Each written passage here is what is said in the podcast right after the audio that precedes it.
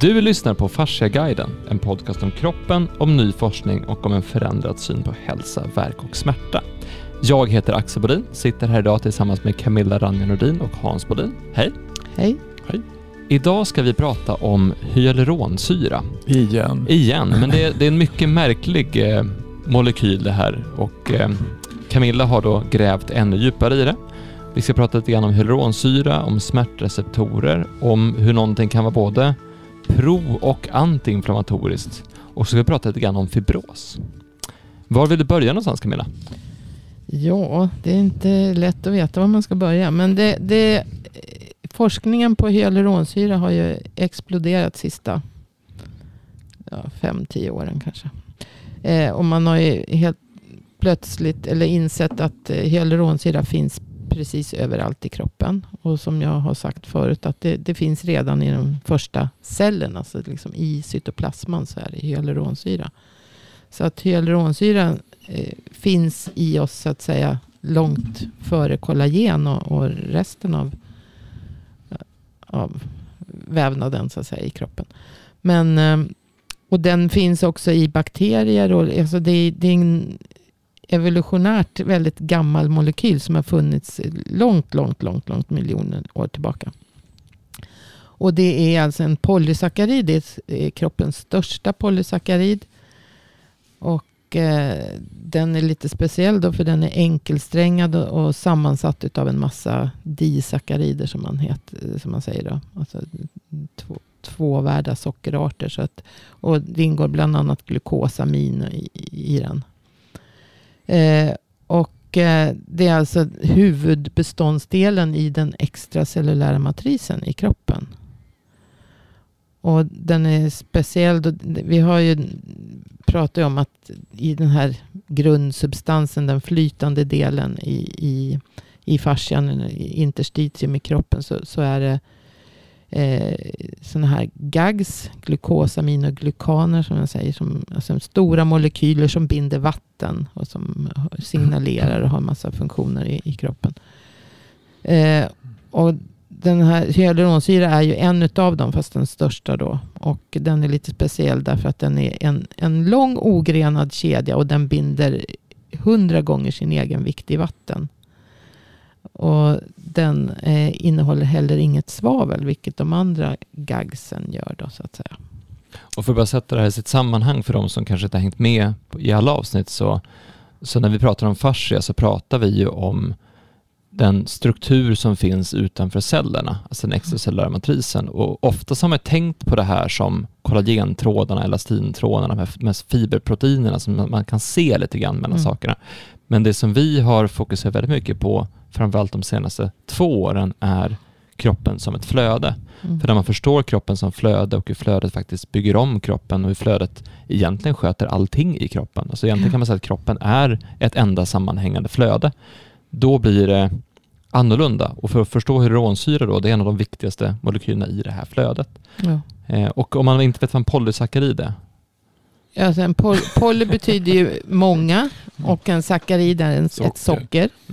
Så att eh, vårt vanliga socker är en, sort, är en disackarid som är sammansatt av en glukos och en, en eh, eh, s, s, sackaros. Eller, tänkte, det vanligt socker är sackaros. Så det är en disackarid. Eh, vi har ju en, en då, laktos är, är, också en disackarid. Så vi har galaktos, maltos, eller ah, nu, nu strunt. Det finns mycket det. socker. Det finns mycket socker. Galaktos är en, en envärdssocker och glukos är envärdssocker. Fruktos är envärt. Så att en, en sackaros är en glukos och en fruktos. Där, mm. där kom det. det. Men det vi pratar om nu alltså, det är alltså, vi pratar det, om vätskan som finns runt varenda cell i hela mm. kroppen. Och, och det här är alltså stora molekyler som, som binder väldigt mycket vatten. Och, och det, det är inte så Men inte mesta av vätskan i kroppen är ändå vatten? Jo. Du sa att det mesta i extracellulära matrisen var Ja men, ja, men om nu hyaluronsyran binder hundra gånger sin egen vikt så det är klart, då blir det mer vatten. Ja. Mm. Mm. men hyaluronsyran är den största utav, utav de här makromolekylerna. Ja. Så, att säga, som, som, så att det är en, en molekyl som är bland annat till för att binda vatten. Men det som är speciellt med hyaluronsyran är ju att, eller det, den, den har många eh, lite här märkliga beteenden. Men den, den ändrar, har väldigt stor variationsbredd i, i molekylstorlek. Det är ingen idé att jag rabblar storlekar i såna här Dalton som man mäter i. Dem. Men, men den alltså varierar väldigt eh, mycket från små molekyler till väldigt stora molekyler. Och ju större molekylen är, ju mer vatten kan den ju då binda. Mm. Det är ju rätt logiskt. Och det här, hur, vilken molekylstorlek den har, det, det påverkar enormt mycket funktionen i flödet i fascian. Och det vi känner hyaluronsyra för, eller de flesta kanske i alla fall känner till, det är att det- det finns mycket i huden och det finns i ledvätska. Och, det, och sen finns det i ögat. Och så, men det finns alltså i hela fascian. Så 27 procent säger man finns i skelett och bindväv. Då räknat med brosk och, och senor och sådana saker med. Men eh, ja, 10 procent finns i, i muskulaturen. Inklusive fascian runt en, i en muskel. Då, så att säga. Men om du säger Och- att det, det som hon gjorde Stecco då, hur kunde hon upptäcka om det har, man vet om att det har mycket hyaluronsyra i hela kroppen eller är det bara nytt det också? Hon upptäckte att det var en ny cell som tillverkade Ja, hon, ja, hon hittade en cell som tillverkar den i, i fascian. I, i, alltså hon, när hon pratade om fascian så var det nog mer i olika glidlager, typ i epimysiet, muskelfascian, epimysiet runt Mm. olika muskler. För, för det som Antonio Stecco skrev, eller det är inte han bara som skrev, men han, alltså han kom, kommit nu nya rapporter, 21 och 22 har Antonio Stecco skrivit eh, eh, artiklar om hyaluronsyra. Och eh, det finns ju en, en enorm massa referenser i dem då till tidigare arbeten. Men där eh, eh, han- menar, eller man skriver alltså att, att alla celler i princip bildar hyaluronsyra. Du har ju hyaluronsyra i varenda cell. Mhm. Och den bildas i cellmembranet och en, en del blir kvar där. Och du har ju hyaluronsyra inuti cell, i cytoplasman också.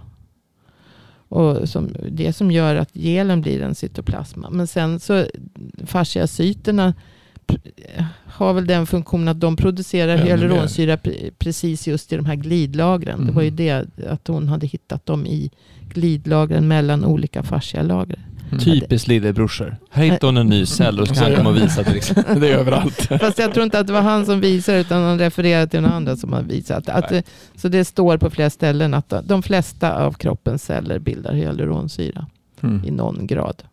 Sen hur mycket de eh, producerar är väl... Ja.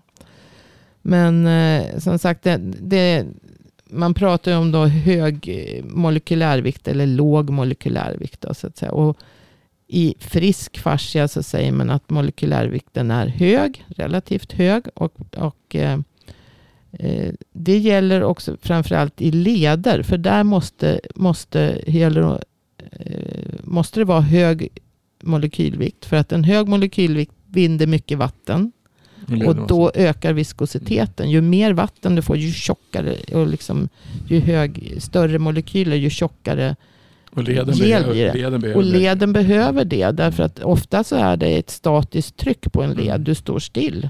Mm. Och då måste den så att säga tåla det. Och eh, det gör att friktionen minskar mellan ledytorna. Men däremot om du har i fascian så är det inte jättebra att det blir för hög molekylvikt. Det får heller inte vara för låg. Men det får, får inte vara för hög molekylvikt. Därför att då ökar trycket Mm. Blir- i, i fascian. Och då blir det stopp i flödet och du får tryck på nervreceptorer. Så att eh, hyaluronsyran har, har jättestor betydelse för just eh, stelhet i muskulatur och eh, smärta Men i är stel, muskulatur. stelhet, om du är stel då, det kan ju vara två saker. Är stelhet, är det oftast för lite flöde och för lite hyaluronproduktion då? Eller? Alltså Stecco menar ju, Antonio Stecco nu då, menar ju då, han har ju just de senaste åren fokuserat väldigt mycket på det här med smärta och, och eh, densification som han kallar det då, alltså förtätning i i eh, hyaluronsyran. Mm. Alltså i fascian. En förtätning som är, är förstadiet till fibros. Okej. Och han menar alltså när trycket ökar i, i ett område. Alltså när, när hyaluronsyran eh, ansamlas Mm. i ett område. Det, det kan vara det, det, hyaluronsyreproduktionen stimuleras utav rörelse och så. Men, men om det är eh, den, den signalerar ju också och svarar på kemiska signaler från kroppen. Så att, och den ger eh, själv också kan den vara proinflammatorisk. Alltså den ger ifrån sig cytokin eller eh, triggar igång cytokinproduktion. Alltså för signalproteiner som då svarar inflammatoriskt eller antiinflammatoriskt. Mhm. Beroende på vad det är för storlek på den. Så att den, och den, eh, den har ju en smörjande effekt då i muskelskikt och sådana här saker. Men ehm, vad var det jag tänkte på? Att Jo, men det var väl? Antonio Stecco som visade på att när egentligen vill man att den här molekylen ska ligga som en enda lång kedja, men att blir det ett område som belastas för mycket så kan den istället ligga som en honungskaka. Så istället för att den är lång och smal den- så blir det ja, som en precis, att gruppering. Den, den, den själv aggregerar och när det blir för, för, eh, för tjockt och för mycket hyaluronsyra på, på något ställe då. Den, en sak som jag tänkte på som den, den svarar, reagerar kemiskt på olika komponenter i, i flödet då, i fascian. Bland annat på hyperglykemi, vilket alltså är för högt blodsocker, för, alltså för, för mycket socker i fascian då, då tjocknar det ju. Det, det vet vi ju. Så, och, och när den tjocknar då så, så blir det ju ett ökat tryck. I, och, och um, det så du tryck, ta, om, du, om, du, om, du, om, du, om du har då kost och så har du saker och ting så har du fel på din tarm. Så den, om man säger att det finns läckande tarm då kommer det ut saker i extracellulära matrisen som inte ska vara där. ja, Som kan vara socker. Det kan, det kan vara, vara för mycket socker. Och det, det, Och då får du alltså, då, då, ja, men då ska du förklara varför. om du det- äter för mycket socker, men det kan om också du vara säger, att om du du... säger så här som jag var inne på tidigare, för du säger att, att om, om det är så som hon sa, eh, Ven- Vendettiger, hon som var läkare i Smarta diabetiker, hon sa att diabetiker är mindre rörliga än, än icke-diabetiker, alltså de är stela. Mm, mm, Och hon menar att de hade insulinresistent, de har för mycket socker i extracellulära Mm, mm. Det vill säga att då binder det alltså, då kommer sockret i vävnaden att skapa för hög koncentration utav mm. stora Då kom, molekyler. ja, Det börjar ju med, då, som, som eh, Antonio Stecco säger, börjar med den här förtätningen, alltså densification som man säger. Mm. Och det här, den i sin tur leder till att kollagenet börjar då få tvärbindningar och, Mm. och binda ihop sig. Och så småningom, efter en längre tid, så har man en fibros. Men det här sker Så inte det bara här- med socker, det är också vid stress, eller hur? Ja, ja, därför Men att stress ger hög blodsockerhalt. Mm. Kortisolet. Det är klart det Mm. Ja. Men då blir Mm. den här som vi hade från början som var jättelänge sedan, som det var den första artikeln jag fick av han eh, i Danmark. Om att om man, om man, då blir det här fysiskt också. Om man gör så att man, eh, man förtätar på möss, lagren i Mm, bindväven, mm, då får de problem med sockerhomostas. Ja. Då blir det då blir även det blir även det här då blir det även en fysisk påverkan som man, som man inte riktigt förstod vad det var för någonting. Men då blir det att för mycket det, då blir, det- alltså, är, du, är du för trög, alltså är det för trögt i allting så får du, du har en, en fysisk förklaring men det är också någonting som har att göra med, med, med, med homostasen i kroppen. Ja, för, för när, hyaluron, när inte hyaluronsyreflödet så att säga fungerar som det ska, då får du en obalans. Så att det, Mm. Och det är jätteviktigt att försöka hålla den här hyaluronsyrebalansen. Då på en, för det, hyaluronsyran reagerar ju på lågt pH, alltså att du är försurad. Eh, Vad händer då? Då blir det, Ja, då blir det trögt. Då, då tjocknar den. Det blir mer visköst. Den reagerar ju på, på rörelse, så att rörelse gör att du, det blir mindre visköst. Eh, ehm, den reagerar på temperatur. Så när det är kallt så blir det tjockare, mer visköst, alltså mer tjockflytande.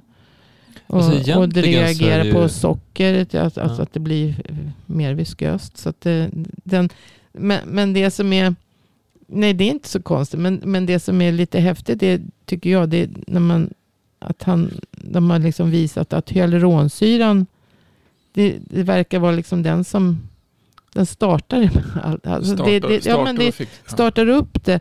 Alltså, om, om fascian blir eh, sämre eller bättre så beror på hyaluronsyran. Så att om man kan hålla hyaluronsyran i balans. Och det är det han menar att, att, att lösa en förtätning. Det är enkelt. Men att sen när det väl börjar bli fibros. Så småningom så har du ju förstört den vävnaden. För att om det är en, en lunga till exempel som får. Du har hyaluronsyra i, i vävnaden i lungan. Mm. Men du har, ska inte ha hyaluronsyra i alveolerna. Nej. Men en skadad lunga, eller alltså som, eh, där cellerna så att säga har fått någon skada. De, där produceras det hyaluronsyra som hamnar i alveolerna. Men det som egentligen du säger nu, som man säger, om vi säger att som Per sa, att egentligen livet är flöde. Mm. Och om du får ett begränsat flöde så kommer livet, det vill säga kroppen, att förändra sin struktur. Mm. Utifrån att, så att egentligen så om du får en fibrös tätvävnad, då har du ett mindre flöde. Och då bygger Mm. kroppen en struktur som egentligen passar den vävnaden som du har. Ja, det är, ju- det är det kroppen har gjort. Om, om du ökar, men det är det om du ökar kropp- det är det- förtätningen. det är det så att kroppen fortsätter ja, att göra. Ja, precis. Då måste det liksom... Det är för det som hände här, som man- vi också beskrev i tidigare avsnitt, när, de här, när hyaluronsyran blir den här honungskakan, den här dammen, Ja. så kommer det att börja växa kollagen i, Runt där det är dammen, vätska, ja. nej i Mm. dammen. I, i, i Så dammen. att istället för att du har ett område som är, tänk dig att du har som en pöl, Mm. Men efter ett tag så börjar pölen fyllas med igenväxningar. Ja. Och då blir det ju plötsligt Blir det svullet på ett stopp annat sätt. Och det blir någonstans, stopp blir det, sätt. det är det som jag säger som är bäcken och dammen. Liksom, att när och du då, har, bygg, då, bygger börjar kropp, det bli stopp någonstans så bygger det på så blir det mer och mer och mer ja, stopp. då bygger kroppen Och sen, och sen så småningom så börjar det växa upp växter där så, och med rotsystem och då har du Mm. kollagentrådarna som liksom har, har bundit ihop hela det här stoppet i flödet. Och det är det han menar händer att men det här tar flera månader, kanske ett år Mm. Innan fibrosen så att säga utvecklas.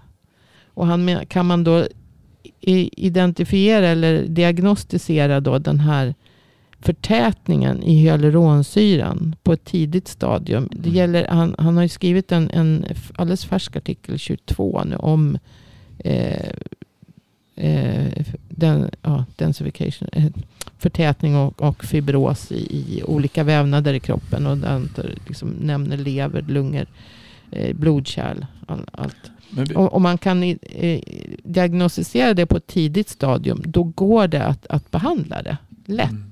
Och han pratar ju, dels pratar han om alltså enzymet hyaluronidas. Att man liksom hämmar hyaluronsyreproduktionen så att man bryter ner den hyaluronsyran.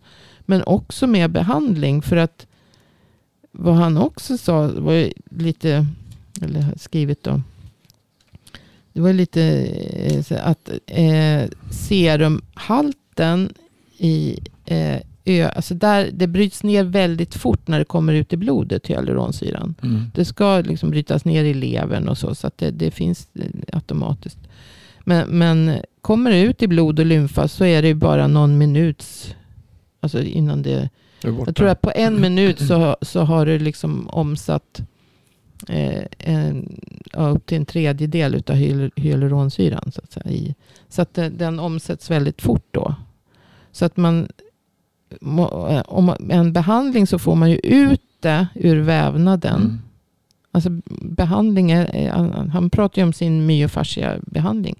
Eh, Eller då att man bryter ner det med enzym som han också eh, sa.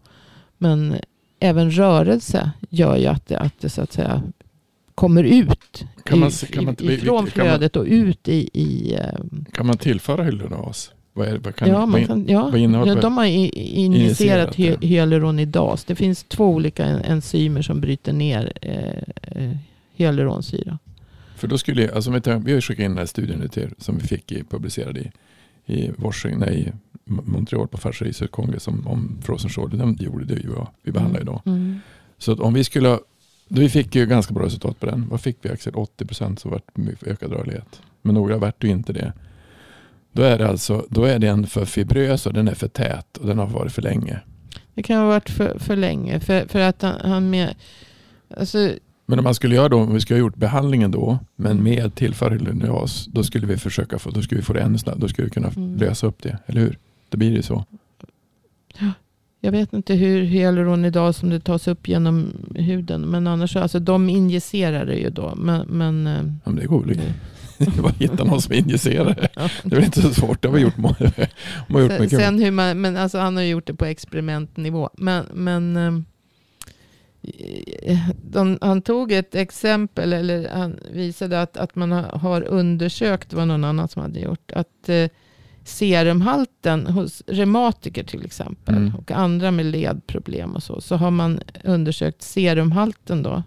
Av, de har högre serumhalt av hyaluronsyra.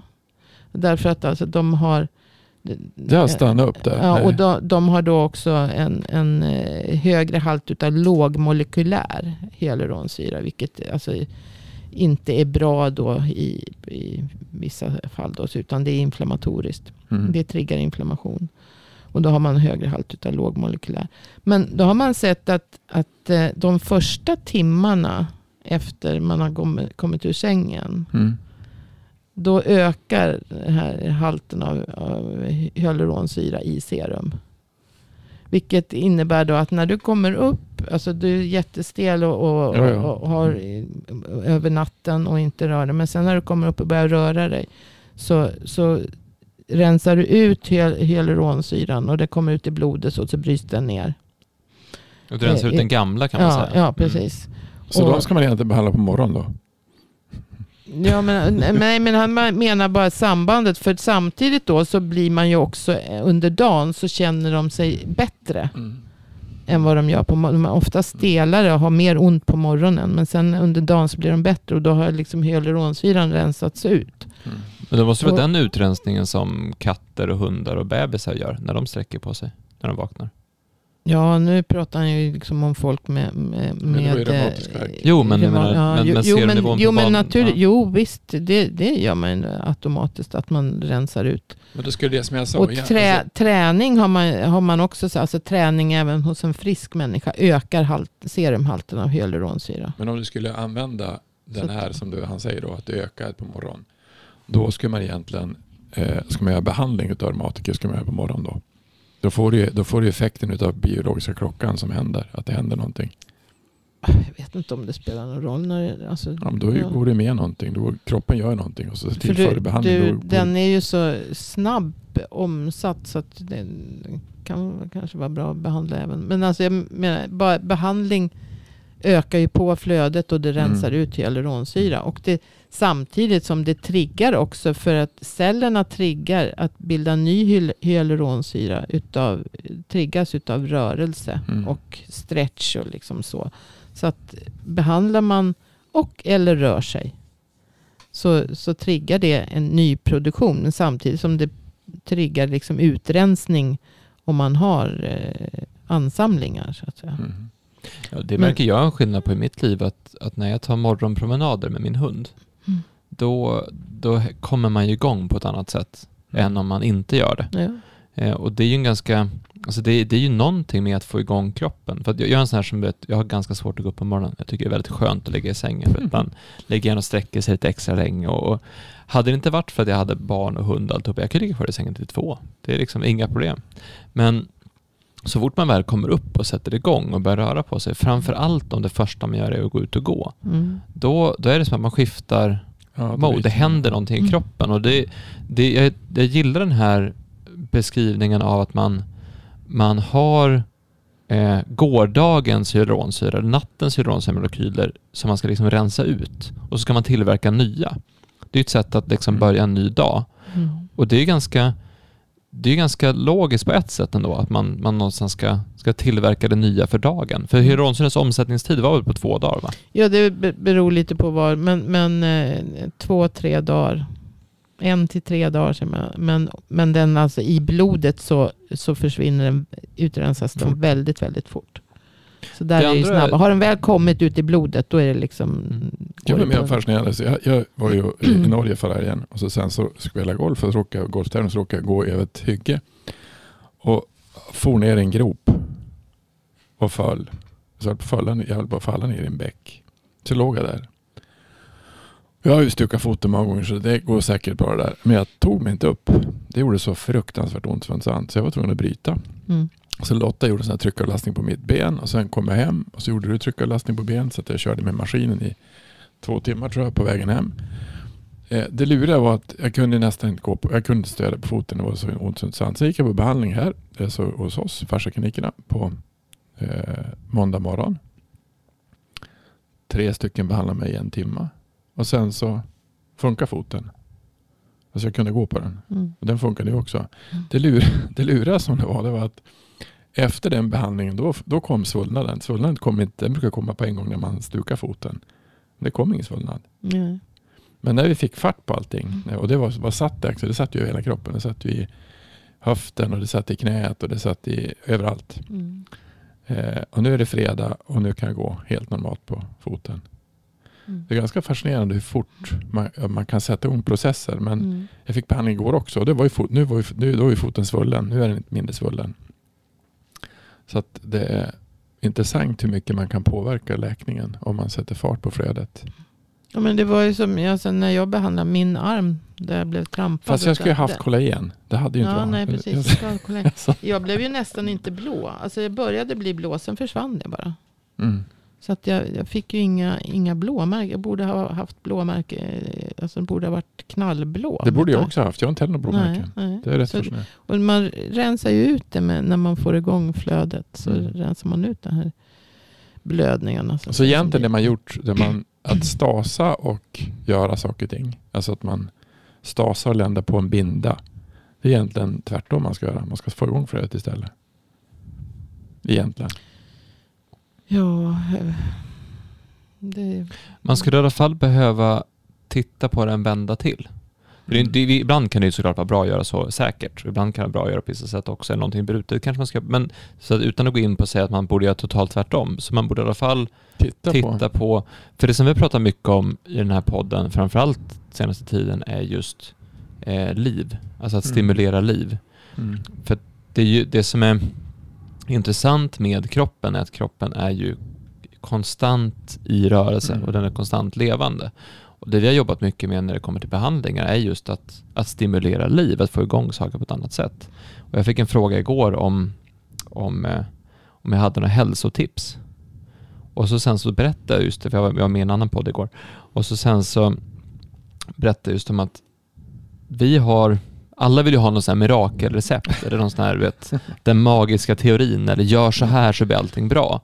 Och vi har ju kommit fram till under alla våra avsnitt att det egentligen är de här jättetråkiga, enkla sakerna som är det som är bra. Mm. Alltså, mm. ta, en, ta promenader. Lagom rörelse. Ja, djupandningar, bra. Ät bra mat. Mm. Se till att det är men huvudnäring. djupandning, det har jag sagt förut, det är ju jättebra just, jag tänkte med, med lungorna då, för, för att undvika en sån här sak. Eftersom då rör sig, då får man ju verkligen liksom stretcha ut lungorna. Och tar man ett djupt andetag och håller andan, då stretchar man ju ut lungvävnaden. Och då, då minskar man ju den här ansamlingen utav Mm. hyaluronsyra. Så man liksom får en rörelse på, i lungorna. Annars kan det ju liksom, hur ska jag...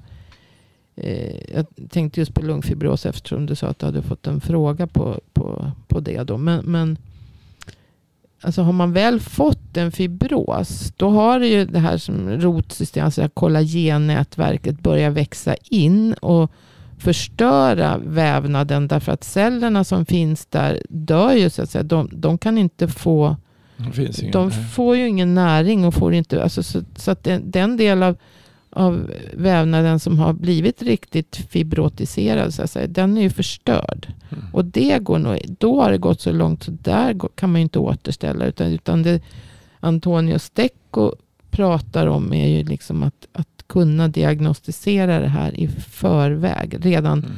på förtätningsstadiet. Därför att det finns ingen röntgen eller, eller så som kan se det här. Utan, men han har ju, då, de har ju kommit fram med en metod som en typ av magnetröntgen. Eh, eh, T, T, T, T, T1RO tror jag den heter. Eller någonting sånt där. T1RO är MRI, någonting sånt kallande. Och det, så det är ju någon special eh, undersökning, alltså med spe, speciell teknik. Då, så att, annars så ser man ju inte den här förtätningen. Man ser inte med ultraljud. Därför där, där ser du alltså vanligt ultraljud. För då, då ser du bara eh, när det har Fibrerna. blivit eh, kollagenfibrer. För Mm. de syns som vita Men du ser inte strukturer. flödet. Du ser inte flödet. Nej. Ja, du ser att det, att, det, att det är tomt på fibrer. Men du vet ju inte hur, om det är en förtätning där eller Nej. inte.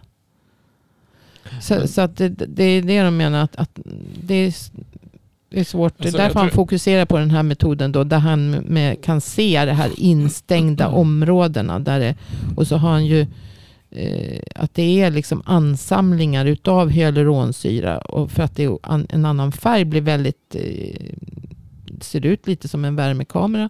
Mm. Alltså att, att det är stora ansamlingar utav rött eller gult. Och sen har han då injicerat hyaluron i DAS. För att Och se då, vad som ja, händer. och då har det här...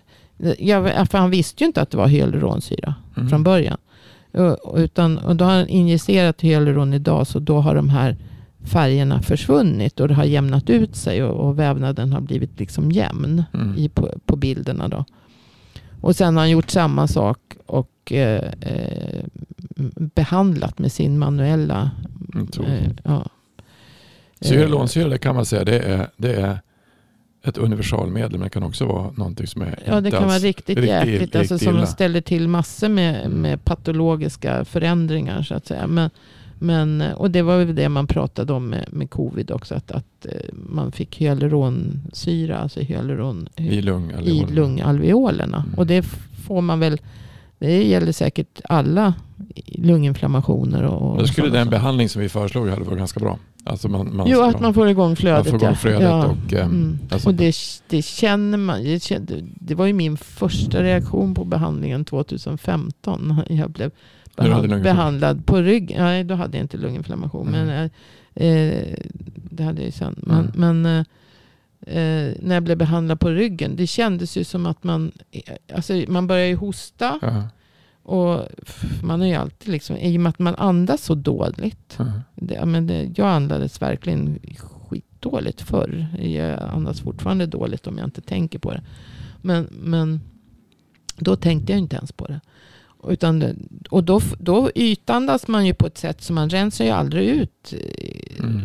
skiten ner i lungalveolerna. Så att säga. Och det är ner i spetsarna som det blir sämst Mm. liksom, omsättning. Och då, då kommer Det man ju, ganska- det när- det kändes ju som att jag hade andats in mentol, vet jag. E- Eukalyptus, liksom att för det helt plötsligt bara... Jag fick liksom så mycket luft och det kändes som lungorna var helt rensade utav att bli behandlad lite lätt på ryggen.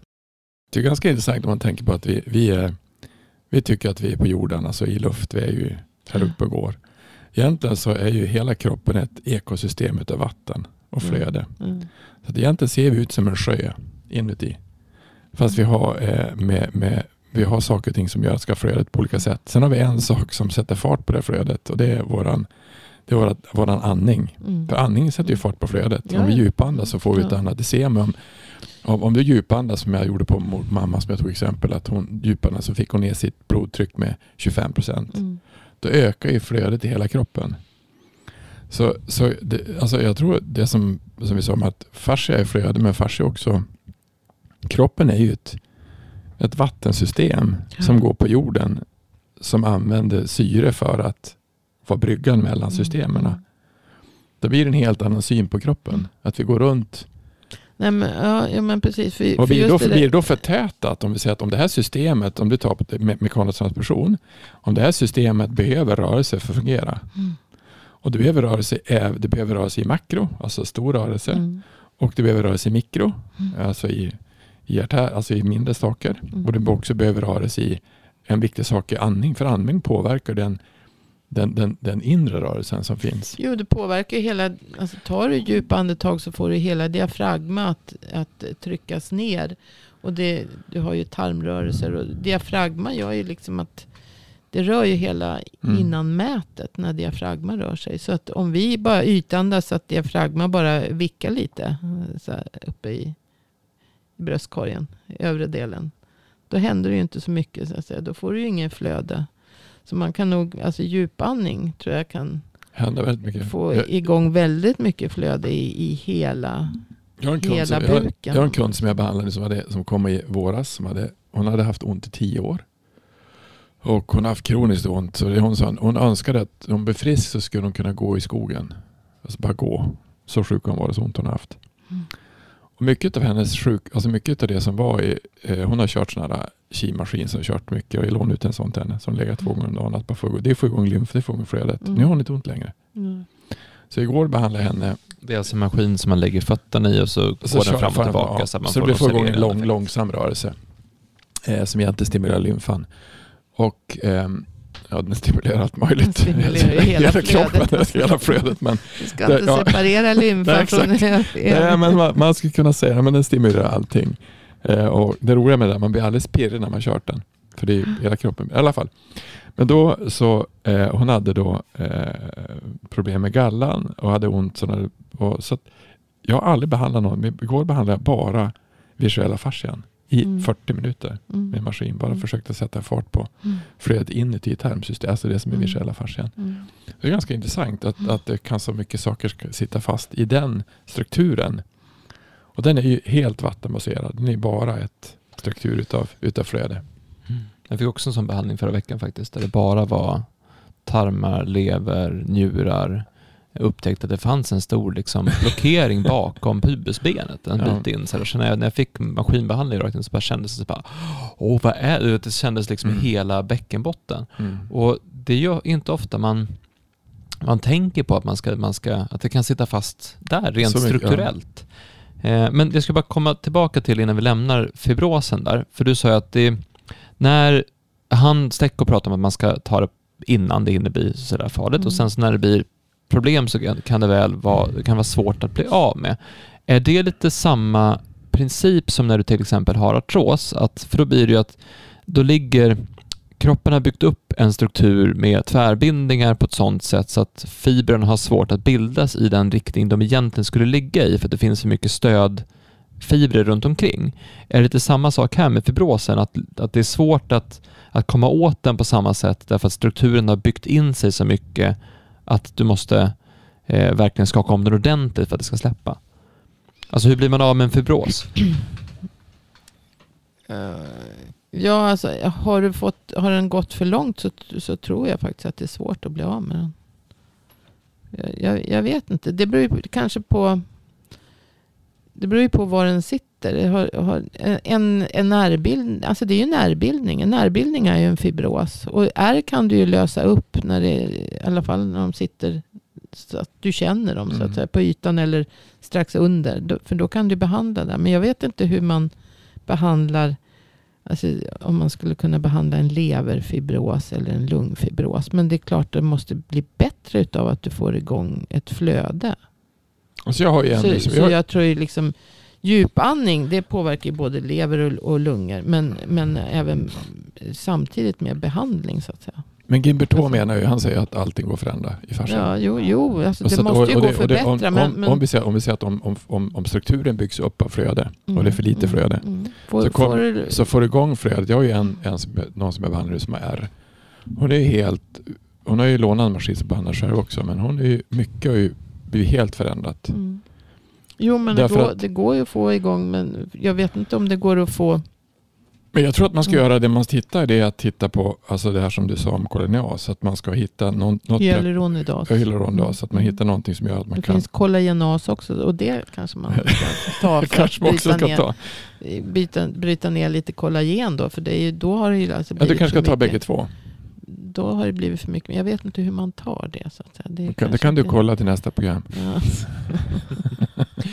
Så en annan sak som jag tänkte på när vi pratade om, om hyaluronsyremolekylerna och hur de här är, de får inte vara för stora, de får inte vara för små. Och det är ganska intressant för vi pratade även om det avsnittet vi pratade om, om är din fascia sur, vi pratade om pH-balans. Att det får inte vara för surt men det får inte vara för basiskt heller. Mhm. Och så pratade vi om blodet, hur viktigt det är att blodet håller sig på exakt, vad var det, 7,34 eller vad det ja, precis. Det ska vara Och- så lagom allting. Och det där, men det är så spännande när man ska, nu ska förstå kroppen. Och så sen så Hans, du pratade om den här vandrande sjön och, liksom, och vi pratade förut om hur kroppen är ett konstant flöde, både av flöde inuti men också flödet av det jag för in. Alltså andningen är ju ett inflöde av luft och mat, ett inflöde av, av näring och så vidare. Och hur, hur fintrimmat det här systemet är. Mm. Alltså, då förstår, alltså, jag, jag tänker att det här är en förklaring på varför just andning, promenader, rörelse, att skratta, att inte vara orolig, alltså att, att inte få den här stressen att fastna i kroppen.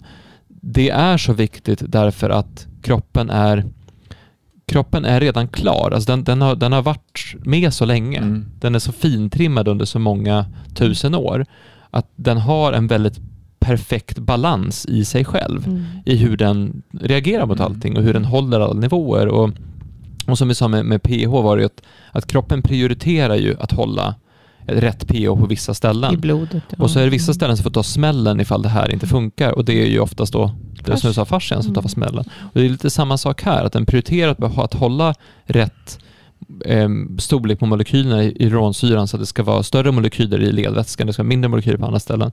Och den, det här är så fintrimmat så att när vi kommer in och stör det här systemet, det är då det blir problematiskt. Mm. Och så pratade vi också om igår hur mycket, hur mycket hur svårt det egentligen är att inte störa systemet i den, i den värld vi lever i med, med den höga stress. Svårt att inte störa, ja. ja. Men jag tror att det som är, det som är skillnaden som är nu om man tittar på vi har, alltså det är många man har sagt, vi har en jättegammal system. Alltså vår kropp är, det är ingen, det är bara fascinerande hur vi har lyckats ändra den så mycket som vi gjort på de senaste hundra åren. Alltså min morfar han hade inte bil. Han hade, han hade inte ens en moped. Han hade en traktor. Han hade häst. Han hade inte ens en traktor, han hade häst. Och då var man ju mycket mer i, i harmoni med jorden som det var. Han mm. gjorde ingenting på vintern. Han satt och bodde nät och så fiskade han lite grann. För det, var, det man jobbade det var på våren och på mm. höst och på sommaren. Sen när, när hösten kom under, då var det färdigt. Under skulle, de ljusa timmarna också bara. Då jobb, jobbar man. Mm. Eh, och, och det, som är, det som man inte tänker på men det är att när jag, jag hade en, en kurs för 20 år sedan, 25 år sedan i, i marknadsföring. På, och då var det så att så det är inte så svårt med marknadsföring för jag har bara P1, P2, P3 och två kanaler i TV. så, för det var inte så mycket som hände och sen hade man lite tid som fanns då. Så det var medieklimatet helt annorlunda. Det är 25 år sedan. Idag är det ju så att idag är vi aldrig lugna. Vi kan ju egentligen sätta på vad som helst så händer saker och ting. Mm. Och hur viktigt, om du säger att om, om, om hyaluronsyran påverkas av stress, av, av, av socker och förmodligen av, av tempot vi lever i. Alltså om jag jämför min morfar, som inte, han, han dog 1984 och så sen så jag kommer ifrån han, den, den branschen. Så jag har ju gjort ett och, och mina söner har gjort ett kvantsprång jämfört med min morfar vad han gjorde för någonting. Men vi har samma fordon vi åker runt i. Då blir det ju ganska viktigt att förstå att det, det är nog bra att, att djupandas lite grann. Det är nog bra att eh, alltså de, de, alltså de tog på klockan sex på lördag, då var det helg. Då mm. gjorde man ingenting. Så från sex till söndag kväll klockan sex gjorde man ingenting. De gjorde inget. Alltså, och hemma till mormor och morfar. Det var, så, mat. det var så tråkigt som att klockorna stannade. Kom man dit klockan elva då hade man, fick man höra Guds ord i tre timmar. Efter en timme fick man springa ut och göra något annat. Så, men det var, ju, det var ju långsamt, men så var det ju. De var ju Nej, och det, det, för det som vi pratade om i, för ganska länge sedan i avsnitt 39 så pratade vi om vagusnerven och så pratade vi om det parasympatiska nervsystemet och hur viktigt det är att komma ner i varv för att kroppen ska kunna återuppbyggas. Mm. Och Det är också något som kom upp när jag satt igår, för jag, jag satt i alla fall i en podd igår och så jag prata om om fascia som att man pratar om det för första gången. Ja. Och 74 avsnitt innan fasciagrejen är det ganska svårt ibland att se var ska man börja då.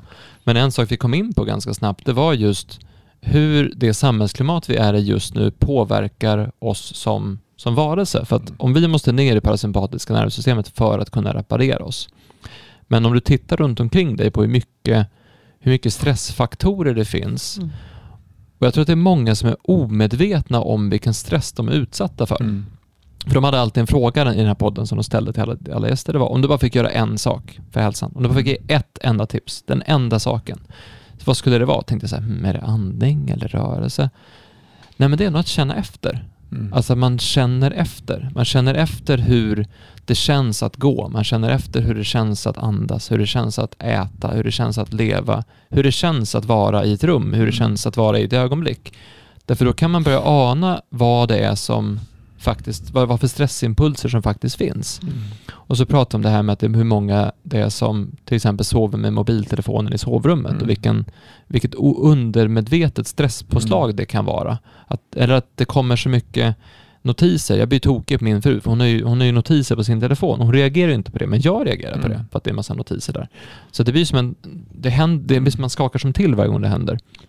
Och det blir ju intressant om vi går tillbaka till hyaluronsyran, för det är en sak till vi inte har pratat om här och det är ju att det är hyaluronsyran, vätskan, alltså grundsubstansen i kroppen, som är våran stötdämpning, som tar Ja, emot tryck. Ja. Så att när vi får en, en stöt eller en smäll, Mm. då kan den här hyaluronsyran göra så att all vätska går från flytande till fast på en sekund. Alltså det, blir, det blir stenhårt. Det blir som att slå in i en vägg. Men Mm. inte stenhårt. Nej, inte stenhårt. Men det blir väldigt den hårt. ska ju vara stötdämpande och då är det inte stenhårt. Så Men den går ju från flytande ja. till väldigt, Ja, ja väldigt... den, den tar emot eh, stöd. Och därför så finns det ju väldigt mycket hyaluronsyra runt nervtrådar och, och blodkärl och sånt som, som är lite, framförallt nerv, nervvaskularitet så att säga, som, som är stötkänsliga och där det inte, som ska skyddas lite extra så att Mm. säga. Och, eh, och likadant leder och, och, och så också är då lite mer hyaluronsyra. Och, Men det blir... Det så, men, men som sagt, stress påverkar ju eh, enormt mycket. Så att ha, har den inte den här... Är den för, för små molekyler så kommer den inte ha den här stötdämpande funktionen. Och då är den också inflammationstriggande så att säga. Mm. Eh, och, och, eh, den, eh, så det är därför hon, en led med, med för små hyaluronsyremolekyler, det, där, den är ju inflammerad. Så att säga. Med, och den fungerar inte, håller inte. Vi hade, vi hade workshop i fredags, nej onsdags vanligt, vi brukar ha en gång i månaden. Och då var det en, då pratade om smärta och då var det en kille som satt där och så sa han att ja, men en del smärta är ju bara fysiskt, psykiskt. Det, det finns ju ingenting bakom. Jag sa, men nästan all smärta är ju, alltså, nästan all smärta är ju fysisk. Det finns ju. Det är det man känner. Och det är ju förmodligen mycket, mycket smärta är ju att det har blivit förtätat. Att det är för, att Mm. ja, det, ja, men, jo, men precis. Och det är det han skriver också. Att just, eh, han pratar ju om den här senaste artikeln, eller den var ju från 21. Men den, men den eh, eh, just om, om smärta och eh, stelhet i, i rörelseapparaten. Mm. Så det är ju liksom fascian i och runt muskulaturen. Och då, om den blir förtätad så fungerar ju inte eh, näringstillförseln och slaggbortförandet heller från eh, muskelfibrerna så att säga. För det är ju fascia runt varenda liten muskelfiber, det här endomysiet så att säga. Och där är ju mycket hyaluronsyra. För där det ska närmast cellen är ju mycket hyaluronsyra just bara för att flödet in och ut ur cellen ska fungera också. Mm. Och sen vid glidlagren är det mycket. Och, Men det där blir och- problematiskt att du, du, du gör en separation mellan psykiskt och fysiskt som egentligen inte finns. Därför att allting sker ju i kroppen. Ja. Det jag vill prata mycket om är svårigheten med det, det vetenskapliga paradigm vi är i, att vi har en separation mellan inre och yttre. Vi Mm. tror ju, och den här går ganska långt i, i termer av att, ja men som du brukar säga Hans, att när, jag- när jag skär ett sår i min hud, då Mm. tror vi att det läker. Men om jag skär ett sår på insidan tror vi inte att det läker. Mm. Därför att vi tror någonstans inte att insidan av vår kropp är samma sak som utsidan av vår kropp. Alltså vi har en väldigt skev bild av inuti och utanpå, även i termer av inuti kroppen. Men framförallt då i termer av vår upplevelse, våra känslor, våra tankar och hur det påverkar vår kropp. Men det här blir intressant för det var ju en sak till som vi inte har, nämnt så mycket om men som du, som du hade som ämnesrubrik här. Det var ju smärtreceptorer. Mm. Ehm, för de, de sitter ju, fria nervändar sitter ju i den här vätskan. Ja, precis. De sitter ju i fascian. De sitter ju i det här flödet. Liksom. Och bli- är det då hyaluronsyreförtätning så blir det ett ökat tryck på dem och det kommer signalera mer smärta.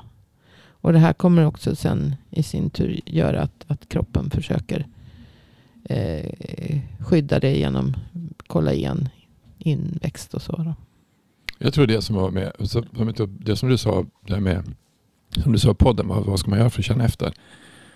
Det är de som har, för man behandlar folk med smärta, men de är i ett tillstånd av stress. Alltså de är, de är för mycket upp i varv.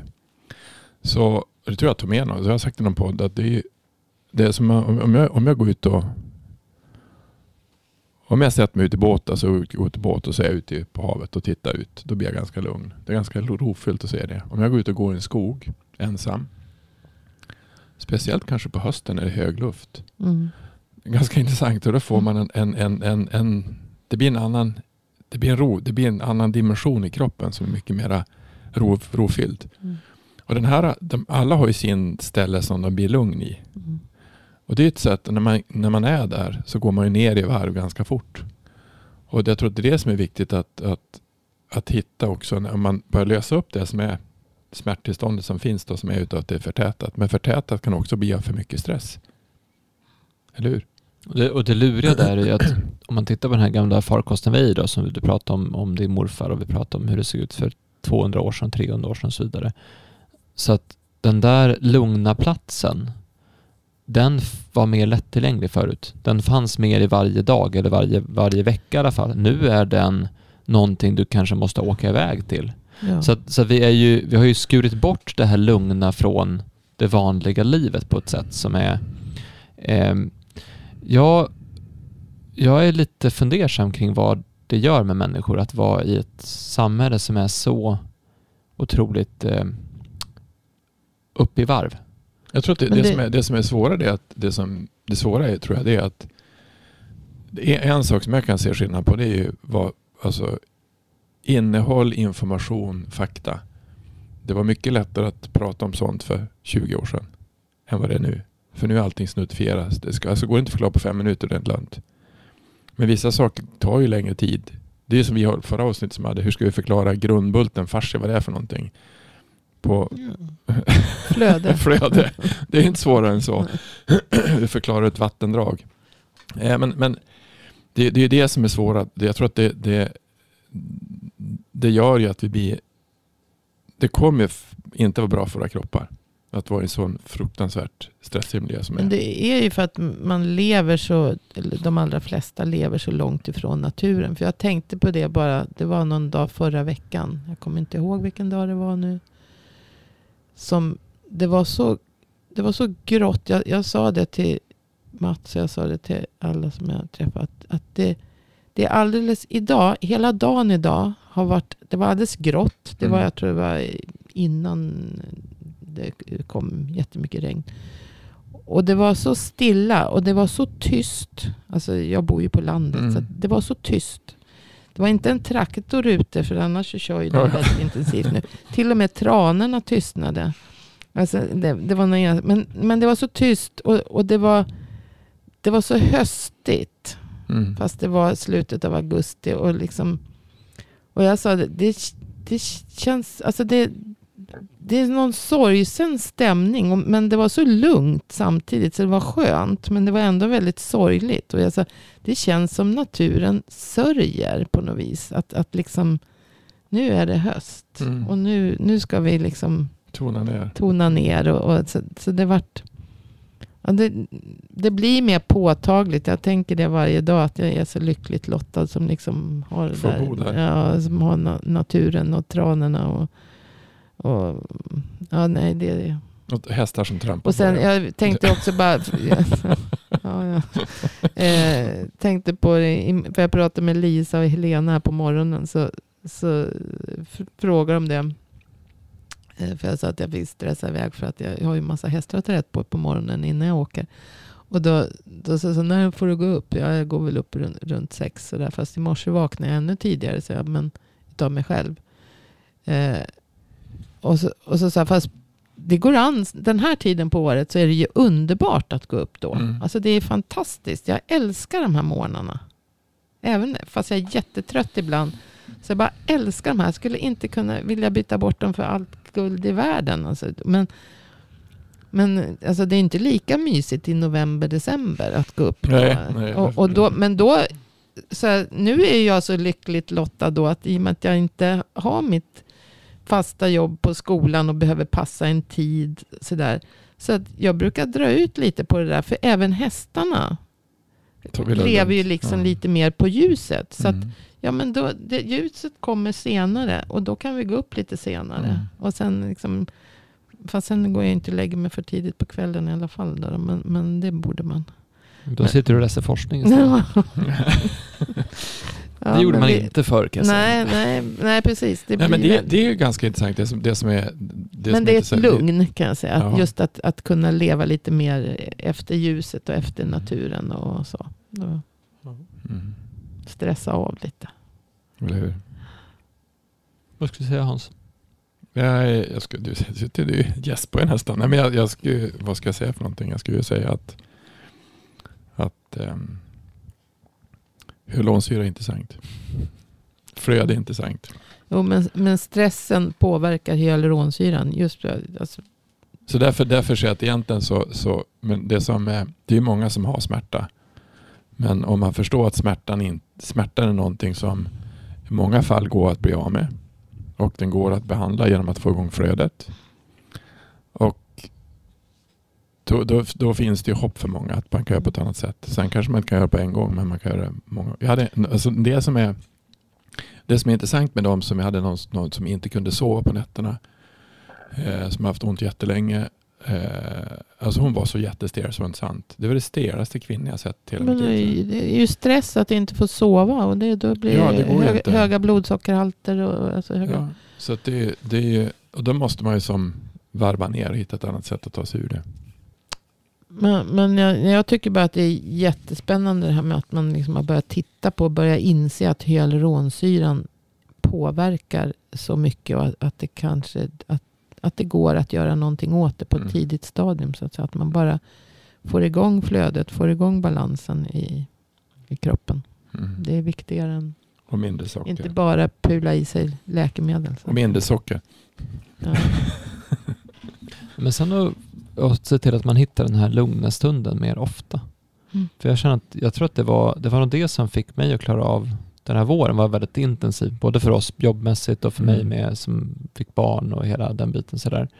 Men man klarar av väldigt mycket och väldigt högt tempo och väldigt pressade situationer om man hittar den där lugna stunden varje dag där man får återhämta sig. Mm. Eller den där lugna natten, eller den där lugna, det där lugna ögonblicket. Mm. Därför det gör så mycket att få in det mer ofta. Mm. Och jag tror att det är det som, det som blir problematiskt är när man, man är under för hårt tryck för länge utan att hitta ett ögonblick att slappna av. Och det är då som man bygger upp den här obalansen i kroppen som sen då Mm. kan mynna ut i någonting allvarligt.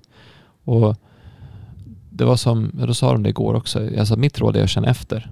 Och så Mm. var det intressant, för det är många som säger nej, nej, kör på bara. Känn inte efter mycket utan kör på.